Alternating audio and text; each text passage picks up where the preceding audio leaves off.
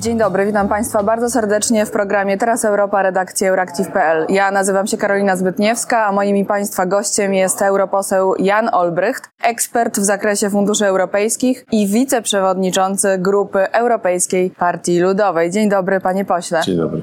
Kiedy doczekamy się wreszcie pieniędzy z KPO i czy przez zwłokę coś stracimy? A jeśli tak, to ile pieniędzy? Formalnie wygląda na to, że nic nie tracimy, ponieważ mechanizm jest zupełnie inny niż przy funduszach strukturalnych. Chodzi o to, że pieniądze będą zawsze wypłacane po wykonaniu zadania. Czyli pieniądze leżą na stole, można je wykorzystywać pod warunkiem, że załatwi się sprawę praworządności i wtedy ile wykonamy zadań, tyle dostaniemy pieniędzy, a czas ucieka. W związku z czym e, pytanie... Czas ucieka, ale prędzej czy później, jeśli, że tak powiem, rząd na przykład by zmienił swoje podejście do wymagań w zakresie kamieni milowych e, ze tak. strony Komisji Europejskiej, rozumiem, że te pieniądze do nas całe popłyną. Nie, no znaczy to jest tak, że pieniądze są na stole i pieniądze będą możliwe do wykorzystania i wpłyną tylko wtedy, jeżeli konkretne zadania będą wykonane. Innymi słowy, dla przykładu, Polska zgłosiła w swoim KPO, że przeprowadzi 50 ważnych reform. Jak na razie nie widać specjalnie, żeby Sejm się tym pilnie zajmował. A za tymi reformami idą potem inwestycje. W tym naszym planie jest bardzo wiele inwestycji, które trzeba będzie zrobić, a pieniądze będą tylko wtedy, jeżeli te inwestycje zostaną zrealizowane. W odróżnieniu od pieniędzy europejskich, takich typowych, żadne nie przychodzą z góry, mhm. oprócz zaliczki, którą y, zresztą straciliśmy. Czyli inaczej mówiąc, mamy czas do połowy 20 26. Jest bardzo wiele inwestycji do zrobienia. Najpierw trzeba załatwić kwestię praworządności. Jeżeli się nie załatwi, to po prostu czas leci, inwestycji nie zrealizujemy i nie wykorzystamy pieniędzy. To jest bardzo niebezpieczne. A pytanie, kiedy dojdzie do otwarcia możliwości korzystania z pieniędzmi, pytanie jest w Warszawie zadawane wielokrotnie. No i proszę zwrócić uwagę, sędziowie nie mogą się zebrać, z czym Trybunał Konstytucyjny nie podejmuje decyzji. Czas ucieka. Wydaje mi się, że część rządu po prostu nie chce tych pieniędzy, a część rządu już przyjęła do wiadomości, że ze względu na awantury wewnętrzne tych pieniędzy po prostu do wyborów nie będzie, a ten, kto wygra wybory, będzie starał się wykorzystać tyle, ile to będzie możliwe do połowy 26. Czyli do tematu prawdopodobnie wrócimy około listopada, już tak po jest. wyborach. Tak. No dobrze, ale pieniądze europejskie to nie tylko Krajowy Plan Odbudowy.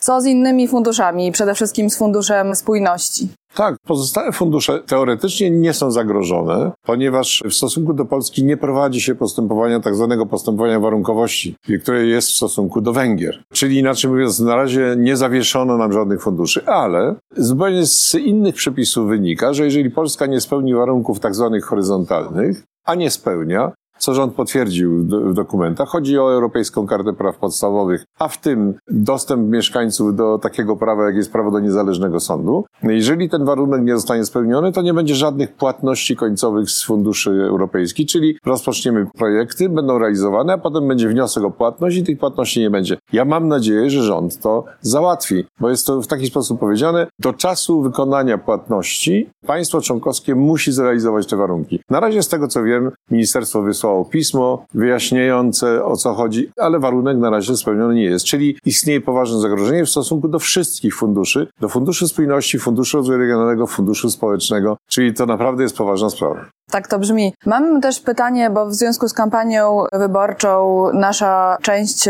prawicowa sceny politycznej się radykalizuje, również w swoim eurosceptycyzmie, co myślę, że jest eufemizmem, raczej w eurowrogości. I mówi, że tak naprawdę niedługo będziemy płatnikiem netto i wtedy już naprawdę nic, żadnych, żadnych benefitów z tego członkostwa w Unii Europejskiej nie będziemy mieli. Kiedy będziemy płatnikiem netto? To jest jakby podwójne kłamstwo. To znaczy się pierwsza sprawa, na razie nie przewidujemy, że będziemy płatnikiem netto w najbliższych kilku latach. Rzeczywiście, myślę, że ci, którzy tak mówią, to publicznie żałują, że się bogacimy. To, że Polska jest coraz silniejsza, to po prostu ma coraz większy budżet, co oznacza, że coraz więcej wpłaca do budżetu europejskiego. Wcześniej wpłacaliśmy 2,5 miliarda, 3,5 miliarda, w tej chwili ponad 4 miliardy euro wpłacamy rocznie. Otrzymujemy między 11 a 15. W związku z czym pytanie, kiedy nasza sytuacja ekonomiczna będzie tak dobra, że będziemy więcej wpłacali niż otrzymywali, to w najbliższej przyszłości absolutnie nie wygląda na realne. Natomiast, jeżeli nawet, to proszę zwrócić uwagę, że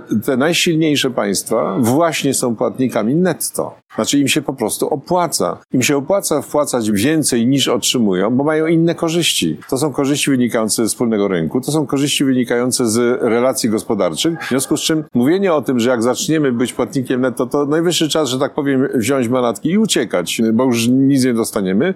To jest wielkie kłamstwo, bo to oznacza, że Polska będzie silniejsza, będzie w stanie dzielić się swoim majątkiem, a korzyści, które z tego wynikają, będą zdecydowanie bardzo duże, na co wskazuje sytuacja chociażby Niemiec, Francji i tak dalej. Przecież te państwa są płatnikami netto. Nie wygląda na to, żeby chciały wychodzić tylko dlatego, że wpłacają więcej. Mam jeszcze pytanie też w związku z tym. Jak zmieni się sytuacja pieniędzy dla Polski, jeśli rozszerzymy Unię Europejską? Tak jak mówił teraz kanclerz Niemiec Olaf Scholz z okazji Dnia Europy, Unia Europejska powinna się jego zdaniem rozszerzać i reformować. Rozszerzać na przykład o Ukrainę, o Mołdawię, o Gruzję, o Macedonię Północną, która czeka, wciąż czeka. Jak to wpłynie na nasze pieniądze? Tu dotknęła Pani właściwie takiego najbardziej skomplikowanego problemu, ponieważ wszyscy dobrze wiemy, że przed następnym poszerzeniem, proszę zwrócić uwagę, że wtedy ci, którzy są w środku, mówią poszerzenie, ci, którzy są na zewnątrz, mówią integracja. To my też tak mówiliśmy, kiedy nie byliśmy w Unii. Mhm. Natomiast Unia Europejska musi się przygotować do tego poszerzenia i to zajmie trochę czasu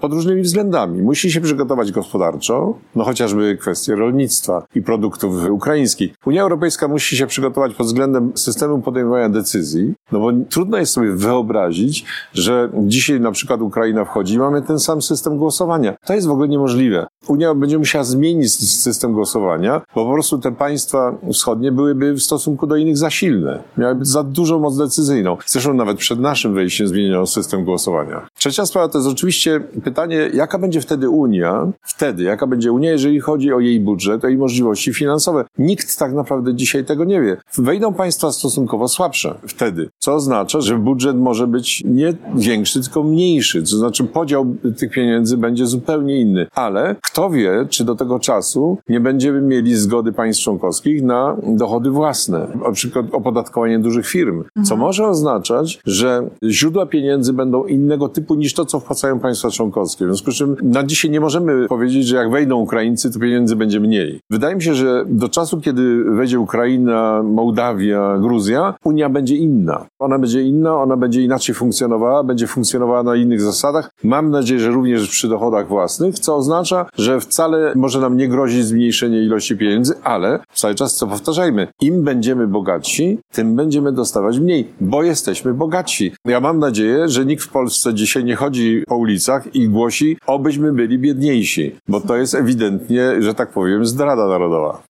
A na koniec chciałabym z przyszłości i hipotez y, przejść bliżej nas. Niestety wciąż trwa wojna w Ukrainie i chciałam się zapytać, jak trwanie tej wojny wpływa na unijny budżet i jak może go zmienić? Zmienia go z dnia na dzień. Znaczy w sumie razem i to są rzeczy kompletnie nieprzewidywalne. To znaczy nikt, kto konstruował budżet, a ja byłem sprawozdawcą wieloletnich, jestem sprawozdawcą wieloletnich ram finansowych, czyli budżetu wieloletniego, nikt z nas w ogóle nie zakładał takiej możliwości. Co oznacza, że proszę zwrócić uwagę, że gotowości w ogóle zmian w budżecie Unii Europejskiej nie ma. Natomiast to, że trzeba szukać środków, to jest pewne. W związku z czym od początku wojny trwają bardzo silne wysiłki, żeby zmieniać jakby sposób wydawania pieniędzy europejskich. W związku z czym mamy z jednej strony pomoc dla uchodźców, która jest w wykorzystaniu pieniędzy z polityki spójności. Mamy pożyczki, które Unia bierze dla Ukrainy. Ostatnio 13 miliardów euro po to, żeby Ukrainie pomóc, które trzeba będzie spłacić. Ma je spłacić Ukraina, a odsetki mają spłacić państwa członkowskie. Ale po zwiększamy ilość pieniędzy na tak zwany mechanizm pokojowy, czyli tak naprawdę na zbrojenia. Zmieniamy pieniądze na produkcję zbrojeniową, czyli wzmocnienie przemysłu zbrojeniowego. Tutaj w Strasburgu właśnie podejmowaliśmy decyzję dotyczącą szukania pieniędzy na amunicję, a dokładnie na produkcję amunicji, czyli zwiększenie pomocy dla przedsiębiorstw, które produkują amunicję. I to nie jest koniec tego procesu. Wydaje mi się, że będą różnego typu zabiegi, żeby szukać pieniędzy w budżecie europejskim, bądź w budżecie, bądź, że tak to może można powiedzieć, składek poza budżetem, czyli państwa członkowskie, które będą się składać. Tych pieniędzy nie będzie w budżecie, ale będą funkcjonowały obok budżetu jako składka na, na pewne rzeczy. Proszę, że w tej chwili, jeżeli popatrzymy na to, ile Unia Europejska już przekazała, to to już jest dzisiaj ponad 30 miliardów euro, z czego na przykład same uzbrojenia, jeżeli dodamy to, co państwa członkowskie dają i Unia Europejska, to jest ponad 13 miliardów euro. To oczywiście jest kropla w morzu, no bo potrzeby są dużo większe. Jak pani redaktor pyta, czy to wpływa na budżet europejski, oczywiście tak. I czy będzie wpływało? Tak. Wydaje mi się, że w tej perspektywie finansowej będziemy jeszcze świadkami zmian w budżecie po to, żeby szukać pieniędzy, które będą niezbędnie potrzebne, jeżeli chodzi o konsekwencje tej wojny. Naprawdę nikt nie wie, jak to będzie wyglądało, natomiast wszyscy zdają sobie sprawę z tego, że trzeba będzie szukać pieniędzy, żeby pomagać nie tylko Ukrainie, tylko również wspomagać państwa europejskie, które ponoszą koszty związane z wojną w Ukrainie. To jest bardzo złożony proces. To niestety nie da się tego ominąć bez pieniędzy europejskich. Panie pośle, na dzisiaj to już wszystko. Bardzo panu serdecznie dziękuję. Dziękuję bardzo.